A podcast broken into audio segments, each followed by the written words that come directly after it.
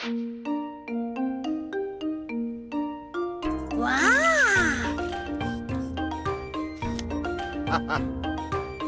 balio dute. Bai. Presti puin txikiak eta soinu handiak. Itxaro nahi da, unetxo bat. Ra, ra. Mm. La, la, la, la, la, la, la, la, la. Primeran, orain bai, grabatzera, zeme danbor, Eta ita txor-txor, biok aurkeztuta, ipuin txiki, soinu handi. gaur gurekin, Tarataratantan.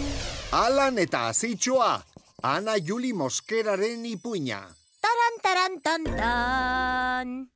Alan ikasturte erdian hasi da eskolara. Lehen mailako lagunen aurrean aurkeztu da. Euskara eta frantsesa nahaztu egiten ditu esaldietan. Jesi alan, eta sei urte ditut.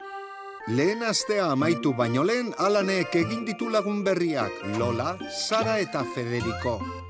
Badakite euren laguna Frantzian jaiozela eta ez duela nahi arrebarik, baina bai txakurtxo bat, Onyx, eta nagusia denean etxe handi handi bat izango duela gaixorik dauden animaliak zaintzeko. Ni veterinar izango naiz. Zer esan duzu? Galdetu dio Federikok. Ni albaitagia izango naizela. Ah, azentu xermagarria dauka. Esaten du Lolak begirada maitakorrarekin. Andereñoa harritu eginda Euskara zain ondo egiten duela ikustean. Parisen Euskaraz irakatsi dizuten? Ez aldageinoa, nire amak Luziak irakatsi dit. Orain hemen Euskaraz hitz egiten dut, baina lehen Frantzian frantsesez hitz egiten nuen. Logikoa da pentsatu du andereñoak eta gorritu eginda. Bigarren asterako hainbat neskato geratu dira alanekin liuratuta. Bonjour! Politak ez dira ba. Galdetu dio Federiko azkenean. Ui, bai, polit politak dira, baina politagoak dira nire amak. Zure amak? Esan du Federikok harrituta.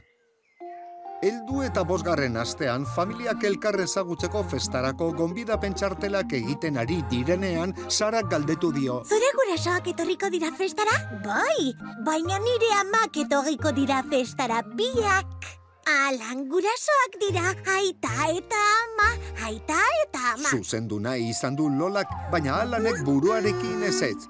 Orduan, lagunek azaldu egin behar izan diote. Denok daukago aita bat eta ama bat? Argitu dio Lolak. Nire ama Lorena da, eta nire aita Eduardo. Orain ez da bizi gurekin, baina ni haren etxera joaten naiz asteburuetan. Azaldu dio Federikok. Alanek oraindik buruarekin ezetz. Beraz, Federikok zehatzago azaldu behar izan dio. Aita eta ama lagun egiten dira, elkarri musua ematen diote. Beste umeek urduriantzean barretxoak egin dituzte. Eta elkarri musuka eta musuka, azkenian, Gorri-gorri jarri da eta ezin izan du jarraitu. azkenian amodioa egiten dute. Osatu du Lolak bizkor-bizkor. Oh! Esan dute ume guztiek. Gero amaren sabela hazi egiten da. Jarraitu du. Bederatzi hilabetean. Esan du Sarak. Sabela hazi egiten da antxe dagoelako aurtsoa. Gero, jaio egiten da eta negar egiten du. Bueno, amak esan zidan nik negar egin nuela. Ulertu duzu, horregatik daukazu aita bat eta ama bat? Ez, nik dauzkat ama eta ama. Ulertu ez diotenez, alanek azaldu egin beharko diela pentsatu du. Lapitzarekin paperean. Nik bi ama dauzkat. Batak Lucia du izena, eta besteak Dominik.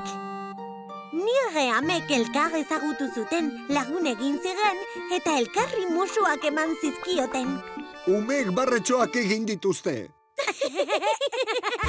Gero, medikuek azitxo bat jarri zuten nire ama Luziaren sabelean. Azia? Hori ez da egia, niri amak esan zidan. Lola, utzi jarraitzen. Ni ere bedagatzi hilabetean egon nintzen nire ama Luziaren sabelean. Eta jaio behar nuenean, ostikadatxoak jo nizkion.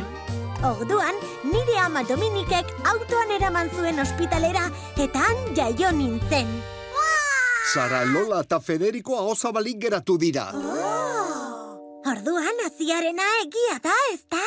Bai, badirudi baietz. Berriro galdetuko diot nire amari. Umeak isilik geratu dira unetxo batean, euren txarteletan kontzentraturik. Azkenean Federiko esan du. Agian Parisen azitxoak izango dituzte, eta hemen amaitu egingo ziren. Deneko nartu dute ateraldia txaloka eta barreka. Orduan alanek berak eginduen txartela erakutsi die, eta idatzi duena da, aziarekin edo azirik gabe ongi etorri denok. bonita! Eta ala izan bazan... Sar dadila kalabazan, eta irten dadila gure herriko plazan! Tarararadan!